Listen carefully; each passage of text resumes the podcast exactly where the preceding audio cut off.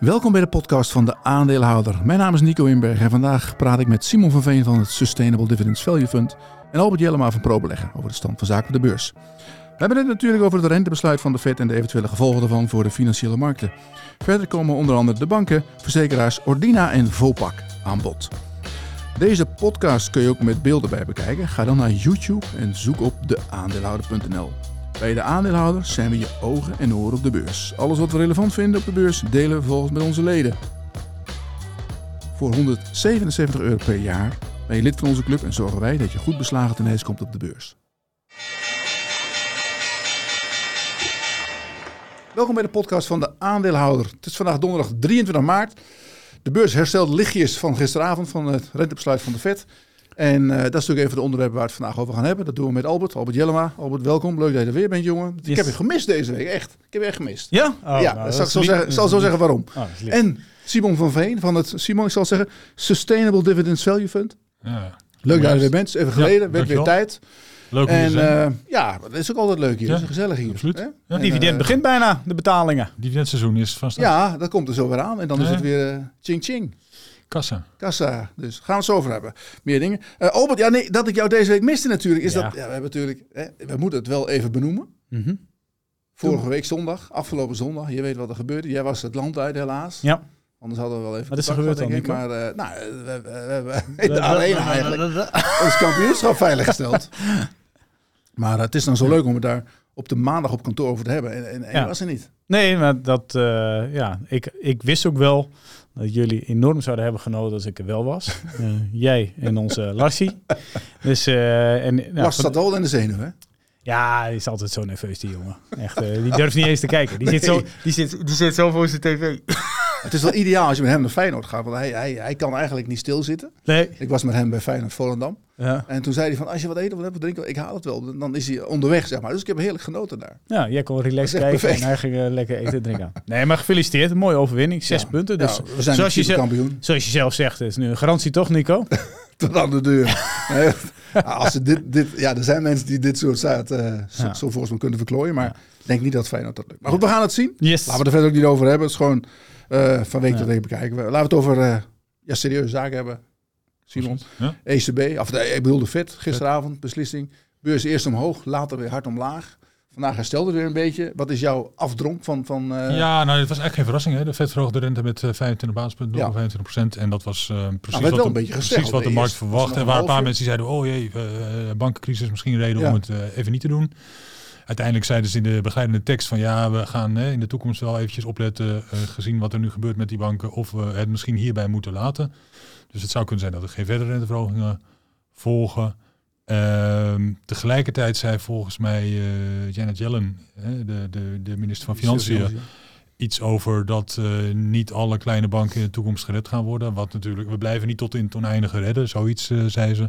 Wat niet helemaal aan haar is om dat te zeggen. Maar goed, hè, dus dat hielp ook even niet. Dat is een reden dat de beurs ietsje terug ging gisteravond. Maar ja, eigenlijk was het niet heel onverwacht allemaal. Niet schokkend. Nee. Okay. Albert, ik, we zitten wel eens op elkaar te fitten, maar ik mag af en toe ook wel eens een keer een compliment naar je maken. Mm -hmm. Je hebt een maand geleden een video gemaakt. Ja over uh, uh, eigenlijk het feit dat de banken geen rente betalen. Ja. En uh, dat is eigenlijk nu, ja, eigenlijk dat ontploft. Niet misschien na alleen van die video, maar ja, je ziet wel dat toch. het nu een beetje... Ja, eigenlijk overal... was die video wel de aanleiding, denk ik. Wel, hè? Ja. oh, Oké, okay, dat is wat, wat, wat jou, jouw ja, het was idee meer, toen was. Nou ja, er was geen idee. Maar ik, kijk, we hebben hier altijd over de verbazing van de week, maar dat was geen verbazing, maar dat was een irritatie. En de irritatie was dat die banken je niets geven op je spaargeld. En als je zakelijk bankiert, nog minder. Um, terwijl de ja, rente in geldmarktfondsen uh, op dat moment, uh, ja, in Amerika zat je al op 4, 4,5 procent. In Europa zat je op dat moment op 2,5, 2,6 procent. Je had voor een eenjarige staatslening, Nederlandse staat, ging je al naar 2,9 procent. Dus heb ik samen ook met Jordi een video opgenomen voor alternatieven voor je spaartegoeden. Ja. Uh, het lullig is alleen dat wij de helft van de puzzel hadden gelegd. En die mensen bij de, de Silicon Valley Bank hebben die, die video ja, waarschijnlijk gezien. Ja, die hebben die video gezien. Maar en toen zei ik nog voor de rol van, ik zei, nou, als we dat nu allemaal gaan doen, ja, grapje, moeten we natuurlijk niet doen, want dan hebben we een bankrun. Ja. Nou ja, dat, ja, eigenlijk uh, is het altijd wel vervelend dat je de analyse doet en dan heb je de helft helemaal perfect, maar je vergeet wat het gevolg is van die analyse. En je vergeet de banken te short eigenlijk. dus uh, nee, maar het, uh, alleen doet het wel grappig als je dan ja, je persoonlijke, zeg maar, irritatie. Dat het uiteindelijk blijkt, ja, heel veel van die grote bedrijven, uh, heel veel van uh, ja, spaarders trekken in één keer je geld weg. Ja. En dat komt omdat ja, het alternatief is aantrekkelijker. Ja, maar dat is precies wat er gebeurd is. Hè? En, en dat geldt in Europa natuurlijk ook, dat er heel veel uh, grote ja, beleggers of, of, of, ja. rijke particulieren of mensen die gewoon 10 miljoen of meer op een spaarrekening hadden staan of op een deposito hadden staan, zeggen van tegen de banken, ja wacht even dit is, uh, dit is te gek. Ik krijg 1% op mijn deposito, terwijl ik um, ja, 3, 3% krijg ja. op mijn op mijn ja. uh, overheid gegarandeerde bond. Wat eigenlijk veel zekerder is dan die, dan die ja, bank. Ook nog, eens, ook nog eens. En, en meer liquide, hè? want die bond kan je iedere dag verkopen mocht je het geld toch nodig hebben. Deposito is toch behoorlijk vast. Ja. Maar het is nog steeds zo, hè? Want het is nog steeds, het gat is immens. Maar je ziet nu wel dat het, het verandert wel heel snel nu hoor. Je ziet nu wel dat de Nederlandse banken beginnen te bewegen. Ja, maar dat moet ook. Je ziet nu wel dat de Nederlandse banken beginnen te bewegen. Bunk is een van de eerste. Die, die ik hoorde op de radio. Die geven nu 2,01% rente. Ja, maar wat geeft de ING? Volgens mij nog niks. Nog Halfje. Niks. Halfje? Oké. Ja. ja, dat is niks. Dus uh, kijk, en die hadden vorig jaar, want iedereen zegt, oh, de banken kunnen niet meer rente betalen. Oeh, maar het vermaakte wel even een half miljard extra rentebaten vorig jaar. Ja. ja. Dat is natuurlijk gewoon een beetje uh, ja, zielig doen om zielig doen. Ja. Uh, en, en zeg maar, buitenlandse banken, die, die doen dat wel. Hè. Daar is over het algemeen toch meer. In Nederland heb je drie, vier grote banken en dat is het. Ja. buitenlandse uh, iets meer concurrentie onderling. Ja. En die hebben wel degelijk hun rente omhoog geschroefd, omdat ze bang zijn dat, um, ja, dat er iets het geld gebeurt. Um, dus dus dat, is, dat is heel logisch en dat gaan de Nederlandse banken ook doen. Maar, ja. maar ze, ja, ze zullen ongetwijfeld uh, al die beweging zien bij grote klanten. En, en mensen die uh, de beschikking hebben over een buitenlandse bankrekening, kunnen dat natuurlijk uh, makkelijker. Het is gewoon heel lastig geworden ook om een, snel even een rekening ergens anders te openen. Hè. Dat kon tien ja. jaar geleden nog wel. Kan nu niet meer. Dus dat, dat, dat is in het voordeel van de banken, dat het geld minder snel weggaat. Uh, maar uiteindelijk gaat het wel gebeuren. En dan kunnen ze niet anders als de rente verhogen. Ja, Nederlandse banken worden natuurlijk ook gespaard door de, de belastingen. In die zin dat, dat uh, een belegging in een, een, staatsobligatie wordt gezien als een belegging. En moet je dus, daar moet je belasting over betalen, toch? Jawel, maar voor ondernemingen is dat niet zo. Nee. Nee, oké. Um, oké, nou, we zullen het zien. We gaan het er straks uitgebreid over hebben. Laten we eerst maar eens toegaan naar de, de verbazing van deze week. Albert, mag ik met jou beginnen? Nou ja, in hetzelfde kader. Uh, als je zakelijk bankiert, dan krijg je dus nog minder dan als je als uh, ja, zeg maar particulier bankiert. En je hebt natuurlijk hogere compliance kosten, want heel veel banken die willen jou helemaal niet als klant hebben. Mm. Uh, maar ik zit bijvoorbeeld uh, bij KNAP, zit ik zakelijk. Nou, is 0%. Oh, dat is heel knap. Uh, dus ja, maar volgens mij is het bij heel veel van die andere banken zakelijk gezien. Want bij, je had het net over Bunk, ja. die doen zakelijk 1% ja. en privé 2%. Okay. Alleen die corporates, hè, die grote bedrijven, die, die, die tientallen miljoenen bij wijze van spreken mm-hmm. hebben en die dat niet voor hun werkkapitaal nodig hebben. Ja, ik denk wel dat wat er de afgelopen maand gebeurd is, dat die treasurers bij al die bedrijven die dat misschien nog niet helemaal de hele tijd mee bezig waren, dat nu natuurlijk die CEO krijgen, die, die, leest ook de krant en die zegt van, uh, hey treasurer, wat, wat doen wij eigenlijk met onze cashcenten? Mm. Dus het verbaast mij. Kijk, eh, wat ik weet is dat natuurlijk heel veel compliance komt kijken bij zakelijke rekening. Dat het ook enorm gedoe is om zakelijk gezien rekeningen te openen tegenwoordig. Hè, want dat is wel zo. Maar ja, stel je voor dat Trek je... maar een paar maanden vooruit. Ja, maar, en, maar zeg dan van, hey, dat je, kost je een vast tarief van x per jaar hè, voor de compliance check.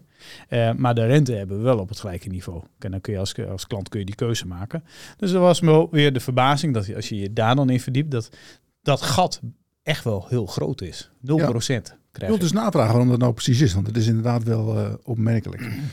Uh, Simon, ben je ja, verbaasd? Nou ja, goed. In mijn verbazing is het verhaal een hele saga rond Credit Suisse. Hè, waar je uh, vorige week rond deze tijd over had van... Goh, je, je gaat toch uh, niet zo goed bij die bank. En uh, ja, ze hebben het wat moeilijker. En, en, en, en het ging hard. En we zijn een paar dagen verder. En ja, ze zijn gewoon helemaal eigenlijk weg. Overgenomen ja. door UBS voor een, uh, voor een, ja, voor een habbekrats. Uh, uh, UBS doet een enorm goede deal Door voor, voor, voor 3 miljard ja, de, de, de, de bezittingen van de grootste concurrent over te nemen. De klanten van de grootste concurrent. Hè, gaat om.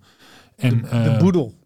Ja, ja maar, maar wel, maar wel maar, broer, en, en in Zwitserland nu een soort, uh, ja, zeg maar, nagenoeg monopolie te hebben voor, uh, in, het, in het grootbankieren. Dus uh, ja, dat is een geweldige deal voor UBS. Ja. En de aandeelhouders van Credit Suisse hebben het nakijken. Wat vind je er eigenlijk van dat die, die, ja, die zegt die aandeelhouders hebben het nakijken, maar die hebben nog wel wat gekregen. Die krijgen 75 Ja, maar dit is een fractie, die obligatiehouders, die krijgen niks. Ja, de obligatiehouder kreeg niets. En terwijl die natuurlijk eigenlijk wel recht op wat hadden. Want voor de afspraken waren van obligaties. Die worden omgewisseld in aandelen op het moment dat het bedrijf nodig had. Nou, dat het nodig was, dat, dat bleek wel. Dat zijn die speciale obligaties. Ja, die... die, die uh, AT1 noemen ze dat. Additional ja, Tier 1. Staat dit weekend allemaal uitgelegd in het magazine trouwens. Nou. Additional tier allemaal nalezen. Extra obligaties. Uh, maar die, die, die worden dan omgewisseld in, uh, in aandelen in geval van nood. Nou, de nood was aan de man, dus dat had moeten gebeuren. Ja, ja. Uh, maar schijnbaar was er ook een regel waarin stond van, joh, we kunnen ze ook gewoon afschrijven op nul. En dan zijn we er vanaf. Nou, Voor dat mij stond dat op bladzijde 694 van het prospectus. Ja, ja was linksom. niet iedereen naartoe Linksom. Daar was niet iedereen naartoe Dus ja, dit is, ja, maar komen nu, ja, wie gaat dat nog wel lezen natuurlijk. Maar nee, die, maar ja. Uh, ik zag ook die, de, het rendement op die, op die 81-bonds, dat, dat was uh, van mij twee jaar geleden, was gezakt naar 3, 4 procent. Ook omdat met die, met die rente nul. Terwijl die dingen betaalde, de meeste bank betaalde er 8, 9 procent over. Ja. Nou ja. Toen ze die dingen uitgaven. Uh, ja, klopt. En, en, en dat is uh, in Nederland is de Rabobank, uh, die Rabo-leningen, dat is een goed voorbeeld daarvan. Ja. Uh, maar maar uh, in dit ook geval... een Coco, eigenlijk. Coco. Ja. Mijn hond eet zo, Coco. Die krijgt nog wel schuld van. ja, ja dat is een makkelijke slachtoffer, denk ik. Ja. Nee, maar, maar ja, dit is, er gaan rechtszaken volgen, want die, in feite hebben die bondhouders wel een punt. Als de regeltjes gevolgd waren, was het eerst netjes omgewisseld in aandelen. En dan zien we van nog iets gekregen. Ja, nou ja goed, er wordt nu overal in, in Zwitserland zeggen ze in ieder geval van ze, eh, ze, ze krijgen niks, want ze hebben het nog een keer bekeken vandaag. En uh, ze, ze, nee, ze denken dat ze, dat ze. Dat ze komen. In het gelijk staan. Maar goed, we zullen zien dat dit wordt. Is, ik, ik las dat er in Portugal twee jaar geleden ook zoiets is gebeurd. En dat die nog steeds in een rechtszaak zitten. Met ja, dat gaat elkaar. Dus, uh, ja, ja, ja. ja, SNS. De Nederlandse banken, jongen. Hoe, hoe, hoe gaat dit uitpakken voor de Nederlandse banken? Denk, want we horen ook niks van. ABN had ook kunnen zeggen, bij ons is er niks aan de hand. Of, of uh, van ING hoor je ook niks. Nou ja, um, voor, die, voor, die, voor die Nederlandse banken, zeg maar, voor uh, heel veel Europese banken gaat nu gelden dat ja, beleggers geen nieuw geld in, in, hè, in dat soort uh, coco's of dat soort uh, achtergestelde leningen gaan stoppen. Ja. En um, dat betekent dus eigenlijk dat alle kapitaalseisen gevuld moeten worden met echt equity. en dat banken dus, uh, als de kapitaalseisen verder opgeschroefd worden door de centrale banken, wat wel de lijn der verwachting is om dit soort crisis in de toekomst te voorkomen. Uh, dat ze meer equity moeten uitgeven. He, dus dat je als, als aandeelhouder verder verwaterd wordt. Ja. En, um, ja, en, en, en dat de, het rendement wat je kan maken op je aandelen in banken alleen maar verder omlaag gaat. Ja, Dat is toch al niet veel de laatste jaren. Maar goed, die, die uh, set one of hoe heet dat? CT1 voor mm -hmm. Nederlandse banken ligt vrij hoog. Hè? Dus die, die zijn niet meteen aan de beurt qua uh, zeggen van nou dan moet, dan ja, moet geld nou, klopt. Nederlandse banken liggen hoog. Die is een stukje boven het minimum. Dus dat, dat is inderdaad niet direct aan de orde. Maar aan de andere kant, uh, ja, het, is, het is niet de goede kant op. De beweging is niet de goede kant op, zeg maar, voor aandeelhouders. Maar misschien moet je ook het woord relatief toevoegen. Want je zegt aan de hoge kant. Wat is hoog in dit geval? ja, nee, ik bedoel, kijk... Ah, je hebt verschillende lagen van... van ja, eh, nee, dat snap je ik. Je hebt een minimum van 6% alleen, of geloof uh, eh, 4,5. Al het gezeik komt heel vaak uit de hoek van de banken. Ja, dus hè, altijd wat gebeurt. Dus uh, voor mij beleg jij niet in banken, Simon. Nee, nou, ik beleg eigenlijk ook nooit in banken. En het is gewoon omdat het vaak redelijk ondoorgrondelijk is wat er allemaal gebeurt. Ja, en dan hebben ze het over, hè, als je een uh, equity tier 1 hebt van 15%, ja, dan zegt men, nou, dat is hoog. Hm. Maar ja, het is heel simpel. Als, als er natuurlijk, ja, geen enkele bank kan overleven als er heel veel geld wordt weggetrokken. Ja, dat is heel simpel. Alleen ja, het is ooit ergens op een getal gezet. Ja, het kan ook ooit op 20% gezet worden. Kijk, uh, en banken kunnen een equity ook versterken door te zeggen van nou joh, dat dividend betalen. Uh, dat doen we eens een tijdje wat minder. In coronatijd. Dat, uh, ik bedoel, dat kan ook. We hebben, ja, het zijn zelfs dividendstops geweest natuurlijk een tijd. En dat heb je gewoon veel met banken. Maar na, naast dat effect nu natuurlijk, van wat Simon net zegt, van dat ze hun equity misschien wel moeten versterken omdat ze die kokos en alles niet meer kunnen uitgeven. Wat je natuurlijk ook krijgt is dat de vraag is, kredietverlening richting het bedrijfsleven, misschien moet dat dan wel een stuk duurder gaan worden. En hm. dat is allemaal uh, onwijs complex, en dat heb ik ook absoluut niet de wijsheid hier uh, over in pacht alleen. Dat ze kunnen allemaal wel nevengevolgen zijn. En dat zeggen ze ook in Amerika op een gegeven moment van ja, als nou ook de, de funding voor ondernemingen duurder moet gaan worden, omdat ja, banken eigenlijk misschien wel ja, meer zekerheden moeten inbouwen, dan kan het natuurlijk wel uh, doorcijpelen in de reële economie, om het zo maar te zeggen. En dat is denk ik ook dat er bij zo'n vet wordt gezegd, nou misschien nog een keer een kwartje. Alleen, ja, dit moet ook wel eens uitkristalliseren van hoe gaat het uiteindelijk nou uitpakken in die reële economie. Ja, als je zo'n zo snelle rentestijging hebt, hè, als in Amerika, waar er gewoon uh, nou ja, 5% bijgekomen is in, uh, wat is het, binnen een jaar eigenlijk. Ja. De eerste renteverhoging was maart vorig jaar, dus um, dat is echt heel veel. Ja. En, en, en de gevolgen daarvan, ja, dat, dat duurt een tijdje voordat je dat ziet. Omdat uh, ja, bedrijven uh, financiering hebben voor een bepaalde periode. En pas als ze moeten herfinancieren, dan gaan ze de hogere rente betalen. Dus, dus, dus het kan best wel één of twee jaar duren voordat je die hogere rentes terug ziet komen in de bedrijfscijfers van die bedrijven. Um, Hoe gaat dat voor commercieel vastgoedbedrijven met uh, loan to values van 40, 50 procent, die allemaal heel lang gefinancierd zijn? Maar stel je voor dat die rente hoog blijft, ja, dan gaat er natuurlijk wel echt een uh, enorme beuk op de, uh, de rentekosten komen. Ja, dat heeft sowieso heel veel gevolgen natuurlijk ook voor, uh, voor vastgoed. Ik, ik, las bijvoorbeeld dat in Rotterdam de bouw van de woontoren niet doorgaat. En er werd gezegd van ja, 80% van wat er nu uitgetekend is gaat niet door, omdat er gewoon de vraag is er niet meer door de hoge hypotheeklasten. Ja, maar ook de ontwikkelaars, die hebben natuurlijk een stuk grond of project gekocht, hè, ja. bij wijze van spreken met hele andere uitgangspunten dan die er nu gelden. veel hogere kosten ook. Ja, dus uh, ik ken toevallig iemand die hè, daar ook werkt in die financiële hoek. En die, die had het er ook wel over van ja, er, zijn eigenlijk projecten dat is je die nu gaat uitvoeren. Dan weet je dat je gegarandeerd verlies maakt. Ja. Dus ja, dat zijn allemaal uh, effecten die, uh, die nog misschien niet helemaal zichtbaar zijn, maar die wel echt voelbaar gaan worden. Dus voor de banken wordt het, uh, ja, dat zit een beetje misschien op langere termijn. Maar uh, dus het was ook alweer zo dat, dat, dat de Fed dan zei van ja, die, die, die onrust nu in de bankensector is eigenlijk ook een, heeft hetzelfde effect, dat zei Paul met zoveel woorden, als een, een renteverhoging. Omdat het toch de, ja. Uh, de leenfaciliteiten be, ja, bemoeilijk en de, de groei dus een klein beetje afremt. Dus, ja, dus als, als de banken de leenfaciliteiten beperken, dan, dan ja. hoeft de vette rente minder te verhogen. Nee, precies. Wat je, wat je nou wel ziet op de beurs, wat me dan opvalt, hè, is dat, dat de beurs ligt eigenlijk best goed. Ziet, we komen van de 67, 17, nu weer 47. Um, maar het, het zijn met name de technologieaandelen die het heel goed doen. Dus je kijkt in Nederland, de ASMI, Bezi, ASML is niet aan te slepen. Nou ja, die hebben in ieder geval niet zo heel veel schuld over het algemeen, of, of, of niet. En, ja. uh, dus die hebben weinig uh, last van die, van die renteonrust. Um, en die, die trekken al hun geld bij die banken weg en die leggen nu in treasury. Die kopen eigen waar, ze, waar ze rente op krijgen. ja, maar die hebben ook allemaal veel cash. Ze stikken, maar goed, het, in de cash. Zou het toch zo kunnen zijn dat, dat we nu door deze hele affaire, hè, dat, dat, dat de markt een beetje denkt van nou, we zitten nu echt wel aan het einde van die serie, serie renteverhogingen. En dat daarom heel anders uh, uh, aangekeken gaat worden tegen technologieaandelen. Die gingen omlaag omdat de rente omhoog ging. Ja, Scouter cashflow. Klopt. Nee, maar dat is absoluut waar. En, en uh, ja, er zijn toch wel steeds meer mensen die denken dat de Fed tegen het eind van het jaar de rente zou kunnen gaan verlagen. Ja. Um, als de inflatie genoeg gedaald is en als de economie voldoende tot stilstand gekomen is. Um, en daar zouden die uh, ja. IT-bedrijven zeker van profiteren. Ja. Ja. En niet vergeten, vorig jaar deden ze natuurlijk heel slecht.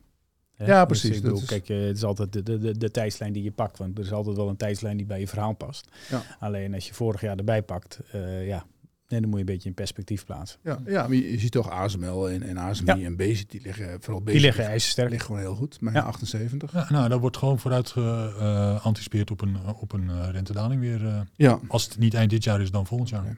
Nu, nu daar krijg ik ook best wel veel vragen over.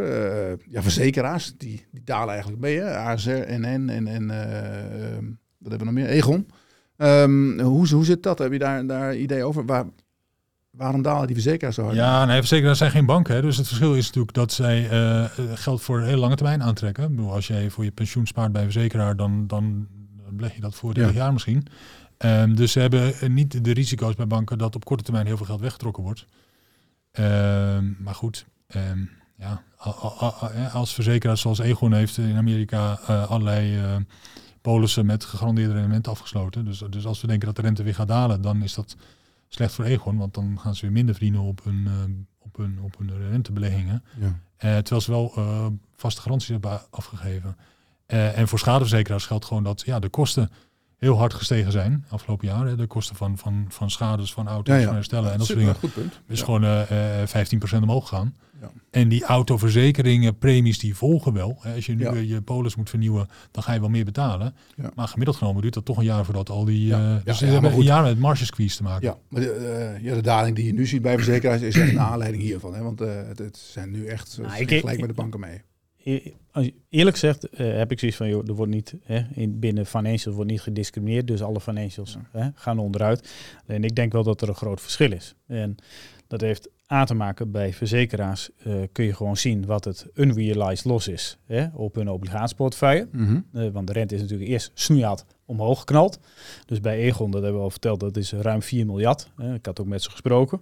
Alleen uh, het grappige is, nu die rente daalt, wordt die unrealized loss uiteindelijk zal die dan weer kleiner worden. Alleen, zij zeggen ook, kijk, het, boeit, het boeit eigenlijk niet, omdat het 10 tot 20 jaar, dan loopt dat er weer uit. En dan komt die 4 miljard weer naar je toe, omdat ze, uh, ze, ze hè, dat is asset liability management. Ook als jij kijkt naar hun, uh, hun uh, hedging policy, hè, daar hebben ze een hele slide voor over wat er dan precies gebeurt dan valt dat eigenlijk wel mee. Als de rente nou heel hard daalt of stijgt op hun solvabiliteit, heeft dat eigenlijk maar beperkte invloed. Ja. Wat een extreme invloed zou hebben, en dat, dat, is, hè, dat is de sensitivity die je kunt zien.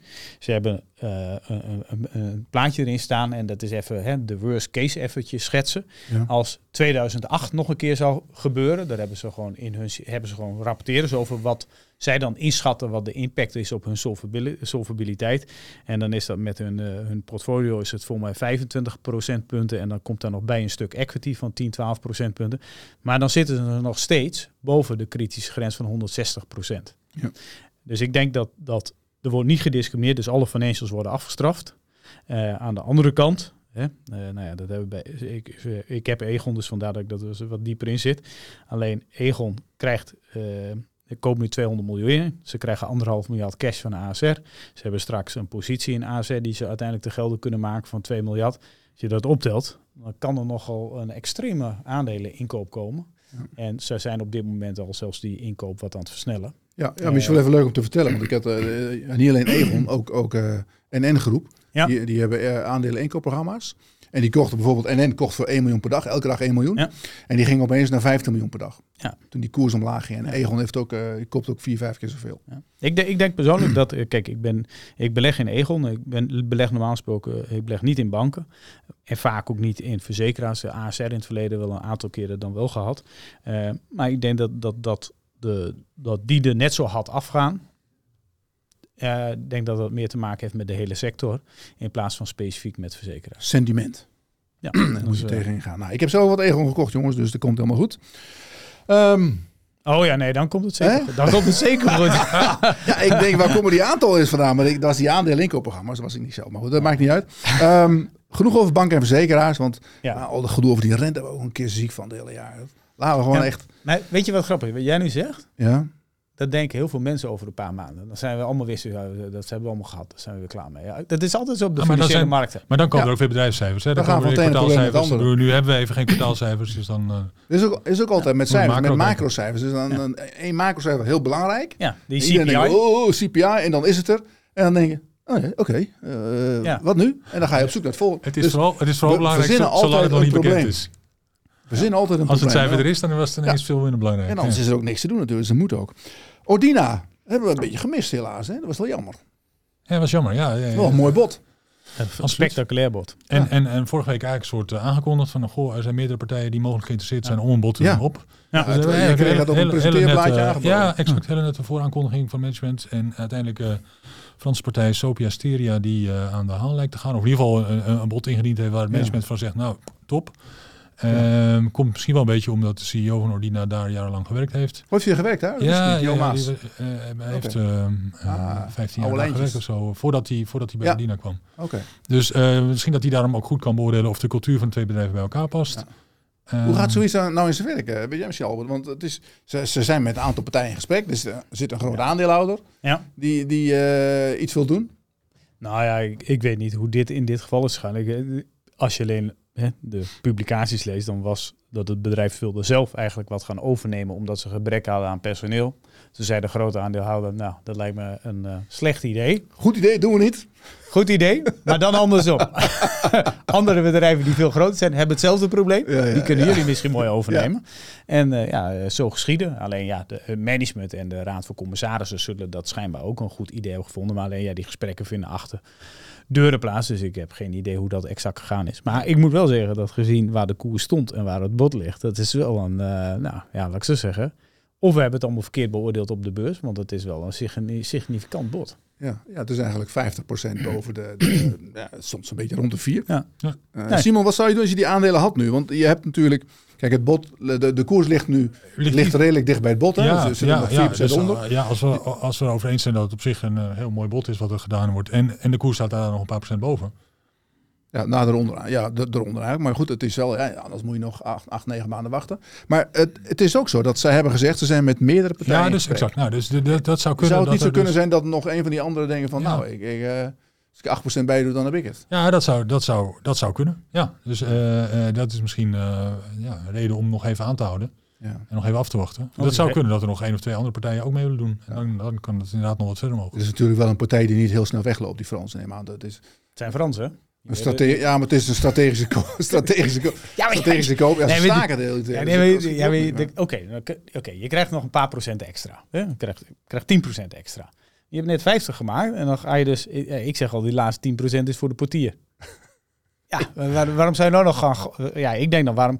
Of verzilver je winst en koop dan nog wat call opties om te denken. nou, als het toch nog gebeurt, doe nou zoiets. Alleen, ja, ik heb dan altijd iets van, joh, uh, wees toch blij van 4 naar 6. Ja, tuurlijk. Dus, maar goed, je maakt een afweging en je zegt van, nou, kijk, als het een, een beetje een onzeker uh, onzeker bod is van een private equity partij of weet ik wat allemaal. Maar dit is echt een strategische koper. Die willen heel graag. Jij garandeert de mensen die nu kijken 100% zeker dat dit bod gestand wordt gedaan. ja, nee, ja, nee, ja. Allemaal Tina Ordina verkopen nu, stel mogelijk. Nee, nee, nee, okay, nee maar, goed. Ik kom even weer met de, ik, ik doe vaak dezelfde uitspraak. Ja, advocaat van de duivel. Hè? Nee. NRC? Nee, nee, ook niet. Nee, nee, ik heb er nog een ander. Als belegger weet je één ding zeker. Ja. Dat je nooit zeker weet.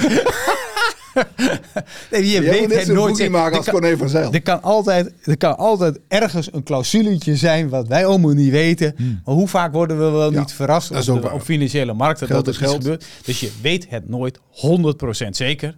Uh, en natuurlijk, ik ben helemaal met je verhaal eens. Alleen soms moet ik eens tevreden zijn. Ja, goed zo. Flow traders, ben je daar eh, een beetje tevreden over? De koerswinst? Je had, je had bijgekocht. Ja. En dan staat het uh, eh, 15% hoger. Ja, de, nou ja, op, uh, wat was het toen? Eh, die cijfers waren geweest, stonden ze op 25, donderen ze weer terug. Ja. Waarvan je denkt, hoe kan dat? Dus bij ProBeleg had ik mijn weging verhoogd naar 10% van de portefeuille. Dus een, uh, ja, denk mijn grootste positie ongeveer. En uh, ja, nu, ja, er is zoveel onrust op die obligatiemarkten. Ja, en zij hebben al twee keer verrast met cijfers vanwege heel veel volatiliteit op die obligatiemarkten. Dus ik begreep ook in eerste instantie niet van waarom het aandeel eigenlijk gewoon mee kachelde weer naar onderen. Terwijl eigenlijk de markt, wat er gebeurde, perfect is voor hun. Ja. Uh, dus, profiteren uh, van die grotere spread in de obligatiemarkt. Dus, dus, dus, voor hun is dit uh, gouden tijden. Nou, ook plus de volatiliteit op de aandelenmarkten. Plus die crypto die weer omhoog geknald is. Want ook nog eens, ook keer, ook die, die, bitcoin staat ook weer op 7, 28.000.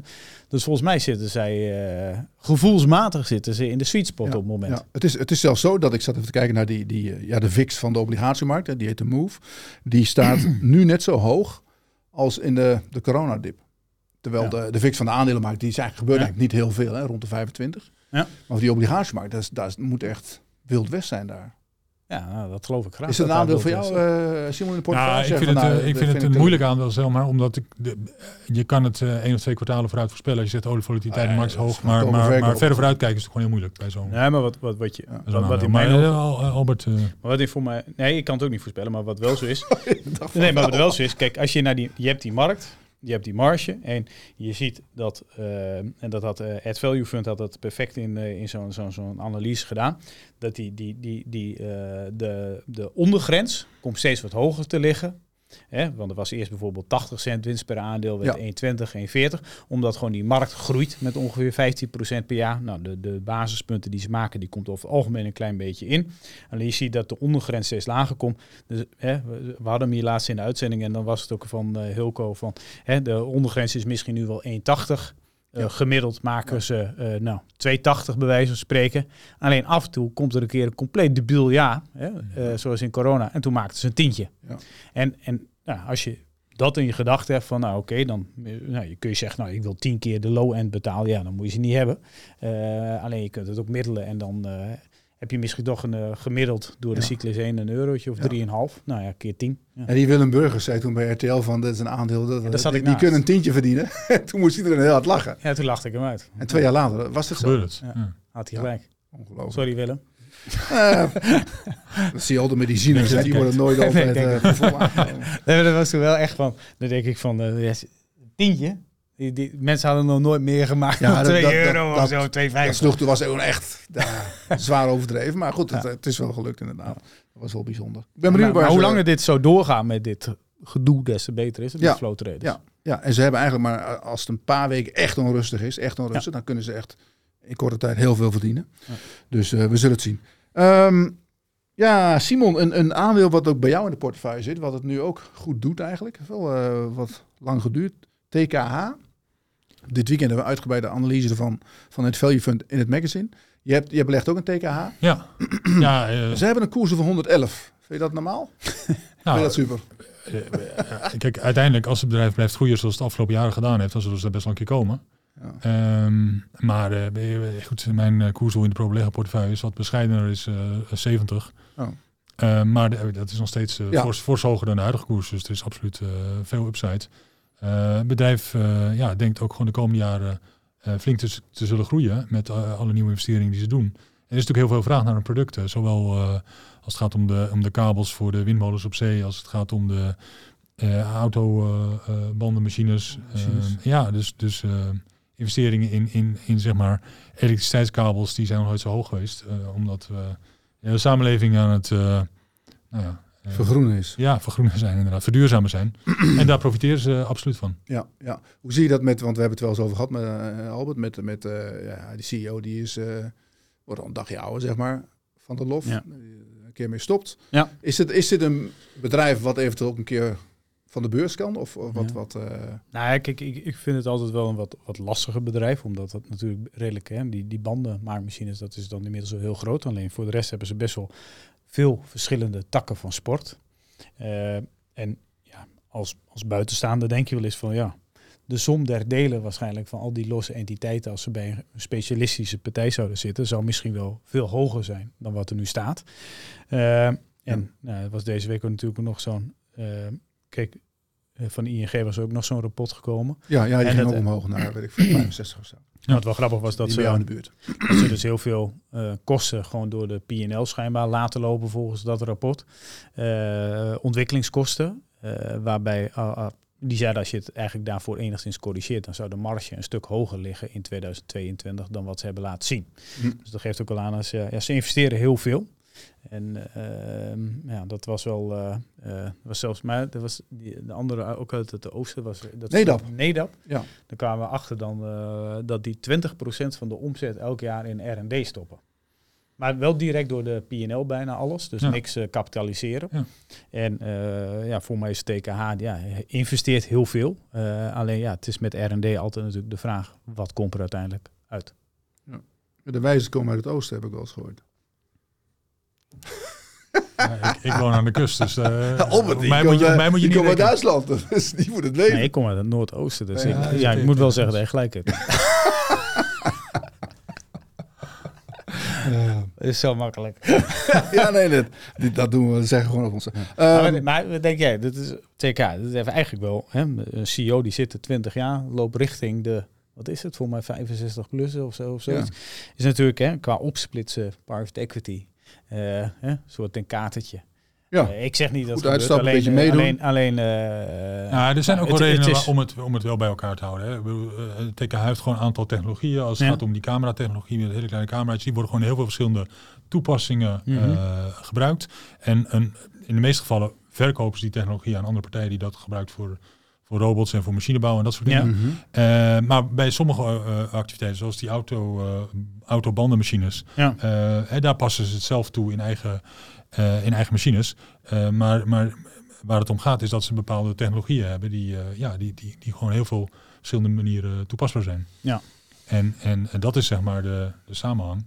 Ja. Ja. Um, wordt dat niet een klein beetje overdreven soms? Want ze hadden toen ook zo'n zo'n diagram, ben je nog op een paar jaar geleden, als met verticale en, en, horizontale. En je snapt er helemaal niks meer van wat ze dan doen waren. Ze denken dat iedereen met elkaar uh, loopt... Uh, te flikvlooien. Nou ja, dat zijn jouw woorden dan weer. Maar. Nou ja, eh, ik denk dat als dat binnen een bedrijf gebeurt, dat het, dat het wellicht makkelijker is om, om die technologie op meer plaatsen te verspreiden dan wanneer het allemaal uh, zeg maar bij, bij derde partijen. Ja, ja maar het, het werd echt gebracht alsof ze niet zonder elkaar kunnen. Alsof ze echt iedereen met elkaar te maken heeft. En dat daarom. Ik had het idee dat die Van der Lof heel erg aan het verdedigen was dat het gewoon één bedrijf was. Nou ja, omdat iedereen natuurlijk. Zo zegt het gewoon holding met Omdat iedereen al, al, al, jarenlang het omgekeerde beweert. En, en zegt van oh, splits nou op en verkoop te delen. En, en, en, ja. Leek een beetje destijds op zo'n McKinsey-presentatie.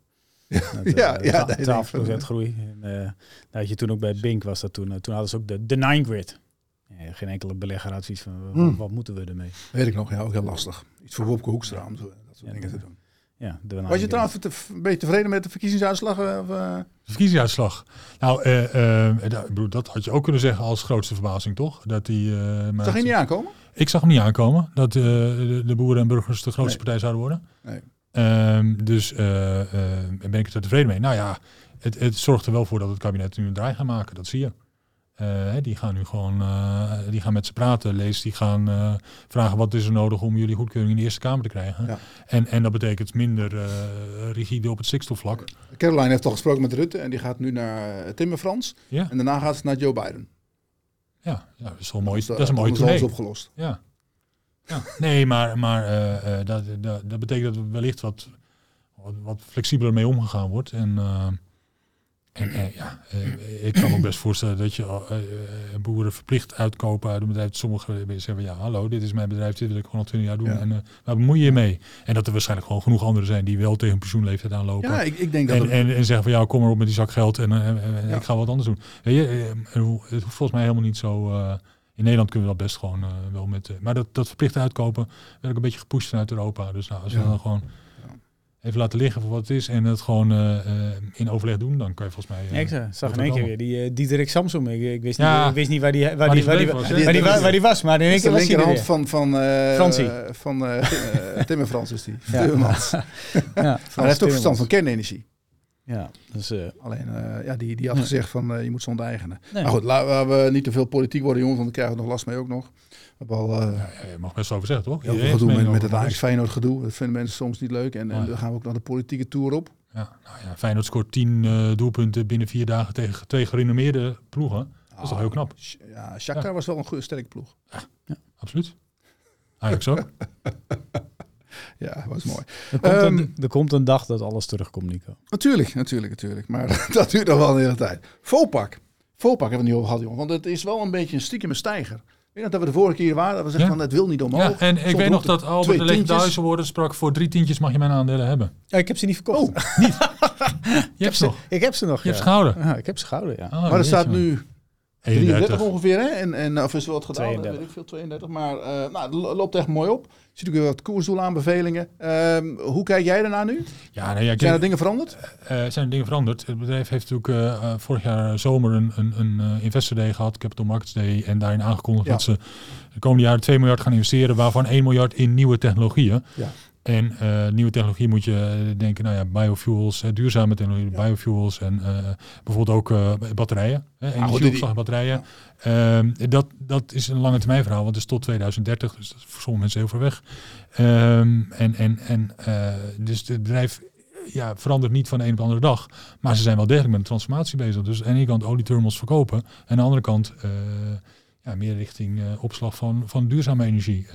ja, misschien ook wel een beetje we hebben een snelle daling gezien van de, de prijzen op gas en, uh, en olie. Die olieprijzen, dus is die oliemarkt veranderd nu? Dus dat is ook wel natuurlijk... Contango. Dus die oliemarkt verandert inderdaad. En ze hebben zelf ook gerapporteerd dat de bezettingsgraad bij de tanks een stukje hoger mhm. ligt dan, dan hiervoor.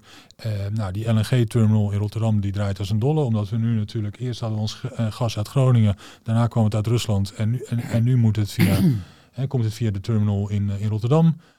dus daar, daar, ja, daar verdienen ze heel veel aan. Ja, wat is hun idee nu? Is, is het hun idee om helemaal uit de olie te stappen? Of, of dat af te bouwen tot een heel klein nou, ze, ze, gaan niet acuut uh, helemaal uit de olie stappen. Ze hebben uh, uh, zeg maar de, de terminals die wat verder af liggen en wat klein waren en niet heel belangrijk wereldwijd gezien, hebben ze verkocht. Strategische terminals zoals in, in, in het Midden-Oosten of in Singapore of in, in Texas, die, die houden ze voorlopig nog gewoon. in, in de US, in Californië bouwen ze een terminal om van, van uh, nou ja, goed, uh, olie naar, uh, naar duurzame vliegtuigbrandstoffen. Mm -hmm. dus, de, dus er, gebeurt, er gebeurt wel wat. er gebeurt absoluut wat. maar het is niet dat ze nou volgend jaar helemaal uit de olie zijn. Maar volgens mij is dat ook wel echt een traject. Dat, want het was natuurlijk een heel groot percentage van de omzet. dus dat heeft misschien wel tien jaar plus nodig om zoiets echt in andere verbanden te brengen. Ja, ja. ja. oké. Nou, maar het is inmiddels is het op de weg terug. Ja. Oké, okay, Vopak. Nou, we zitten, ik zit even te kijken. We hebben nog wat tijd uh, over. De, de, de grootste stijgers-dalers. Um, Albert, we hebben het de hele tijd niet over gehad. Just Eat. Uh, een van de, ja. de grotere dalers deze week. best veel in het nieuws eigenlijk. In, in, in Engeland gaan uh, stoppers met bezorgen. Ja. Nee, eigenlijk best wel veel, veel nieuwsberichtjes, zeg maar. Dat ze eh, eigenlijk eh, de hele tijd was het natuurlijk, we hebben onze eigen bezorging, het school-model, dat gaan we overal uitrollen in Europa.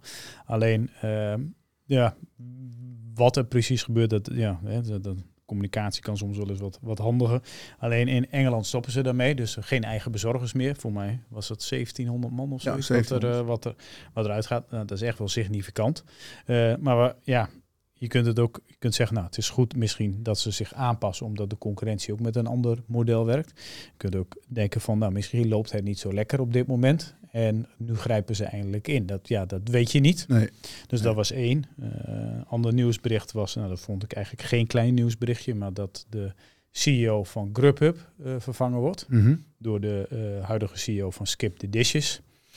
Ja, dan kun je toch ook wel een klein beetje gevoelsmatig denken, nou dan zal het toch wel niet lekker lopen. Want ja, waarom zou je hem anders vervangen? Want zo lang zit hij er nog niet. Uh, ja, hij zit er wel heel lang, maar niet als CEO. Dus dan heb je ook zoiets van, nou, dan had je Eminence Capital, uh, wat weer uh, wat aandeeltjes had verkocht over de, de shorts die sommige mensen wel, wel naar mij sturen, dat die wat worden opgebouwd. Ja, dat, dat denk ik, dat zijn van heel veel momentum quant funds. Dus daar maak ik me dan zelf eigenlijk niet zo hm. heel druk om. Uh, maar ja, het aandeel uh, doet het gewoon zwaar beroerd weer. En uh, ja, dat is, ja, laat ik zo zeggen, al die berichtjes zijn, nou, misschien voelen een beetje negatief. Ja. daarbij komt, ja, ja, strategisch gezien, ja, ik snap wel allemaal dat je niet heel dingen heel snel kunt doen. Alleen, er is nou, het bedrijf ligt al heel lang onder druk. Uh, maar wat kleine bewegingjes her en der zijn er geweest. Maar bijvoorbeeld uh, stoppen in Australië en Nieuw-Zeeland of de assets daar verkopen, ja, nou, dan, lijken ze niet echt, ja, zeg maar, over te communiceren. Of ja, misschien lukt het ze niet om te verkopen, misschien willen ze niet verkopen, maar dat kost toch wel heel veel. nou, ik had zo'n tweetje gestuurd dat er een bepaalde, ze hebben veel convertibles uitstaan. Nou, de een handelt op 66 procent, eentje op 80, eentje op 85. Nou, ja, er ligt geld op straat voor Je hebt 2 miljard convertibles en je hebt 2 miljard cash. Nou, je kunt toch op zijn minst zeggen, nou, nou koop ik eens wat, hè, anderhalf miljard, koop ik eens terug en op een discountje van gemiddeld 25 procent. Is toch wel veel geld, zou ik denken. Ja. Hoor je ook niks over. Hè? Dus dan denk je van, goh, uh, Grubhub verkopen uh, ja, dat zeggen ze nou al anderhalf jaar. Ja. Of twee jaar, anderhalf jaar denk ik. En de M&A-markt is moeilijk hè, als de rente zo snel gestegen, wordt, gestegen is. Dat ja, is, nee, is wel heel lastig om daar een goede koper voor te vinden. Ja, nou ja, aan de andere kant, als jij in Amerika uh, drie grote spelers hebt en nummer twee zou nummer drie kunnen kopen, uh, dan heb je heel veel synergie. Hè? En zo'n zo Uber heeft volgens mij best wel wat cash. Dus ja, en, en, ja, en, alles wel, maar het stond bij Silicon Valley Bank. ja, maar ja, het is teruggelegd. Het is gegarandeerd nu. Ja. Nee, maar ik bedoel, uh, klopt, de rentes zijn wel gestegen. Alleen als jij in een markt een speler eruit kunt halen, als er drie grote spelers zijn, de synergie-effecten zijn wel mega. Alleen schijnbaar lukt het allemaal niet. Uh, want het is wel, uh, begint nu inmiddels al die, die verhalen, begint wel een hele langdurige belofte te worden. Mm. Uh, dus ik dacht voor de voor mij vijfde keer nu laat ik eens een mailtje sturen naar de mediabureau van Justy TQ. Mm -hmm. Want ik ben nu vier keer afgewezen voor het interview dat Jitsi hier zou komen. Bij ons in de podcast? Ja, ja gewoon eens even een keer. Nou, hoeft niet eens een podcast zijn, maar gewoon eens een keer een interview. Daar kunnen we 10.000 euro voor vragen, want doet dus, Harry Mensen ook. Ja, die Harry Mensen ook, ja. ja. Maar we hebben dus nu vier keer gevraagd. En, nu de vijfde, volgens mij is het nu. Ja. Uh, dus ja, ik zou zeggen, uh, kom eens een keer wat uitleggen richting de particuliere belegger. Uh, en ja, doe eens een keer wat. Oké, nou ja, bij deze jits, als je kijkt, je kijkt natuurlijk kijken, want je wil op de hoogte blijven van wat, uh, wat Hij kijkt ook naar die mensen. Dus ja, daarom, daarom. Dus, uh, je bent van harte welkom hier. Uh, je komt op de plek van Simon. Een keer een natje en een droogje, niks aan de hand. Laten we gewoon maar zorgen. Hartstikke dus leuk, daar maken we een super show van. Ja. ja. Simon, we zijn aan het eind van de show. Nog een laatste woord? Nog een, een tip? Een, ja, superleuk om hier Wat moeten mensen doen? Wat moeten mensen zijn? Nou ja, vooral, wat moeten we kopen, vooral naar de lange termijn kijken. Niet in paniek raken van de, van de rentestijging. Ja. Um, dat is het laatste wat je hebt gekocht? Farming? Nee. Nee. Um, Stora Enzo. Stora Enzo? Ja, dat is de laatste trade die we hebben gedaan. Oké, waarom? Uh, omdat het een, uh, ja, ook, een, ook een transformatieverhaal is. Hè. Ze hebben dus uh, alle papierassets, ouderwets, hebben ze eruit gegooid. Ja. En ze zijn volledig aan het storten op duurzame verpakkingsmaterialen, duurzaam hout, alles wat hergebruikt kan worden. En, en, en, en ja, dat, dat is een proces waar, nou ja, we staan nog een beetje aan de beginfase. Dus het wordt nog niet uh, volledig gewaardeerd door de, door, de, door de belegger. En dat is juist waarom het aantrekkelijk is om nu in te stappen. Oké, Stora en zo. We schrijven hem op. En als je de volgende keer, als je bent, lager is, dan komen we daarop terug. Mooi uh, de bel gaat. De dus go van Nico. uh, niks aan de hand. Goed, we zijn aan het einde van de show. Simon, bedankt dat je was, Albert. Ja. Yes. Ouderwets. Mensen thuis, vergeet niet even te abonneren op ons YouTube-kanaal. Dat kan door middel van de rode knop onderaan. En dan krijgen we zelf onze laatste video's en je tijdlijn. Uh, bedankt voor het kijken, goed weekend en veel succes op de beurs.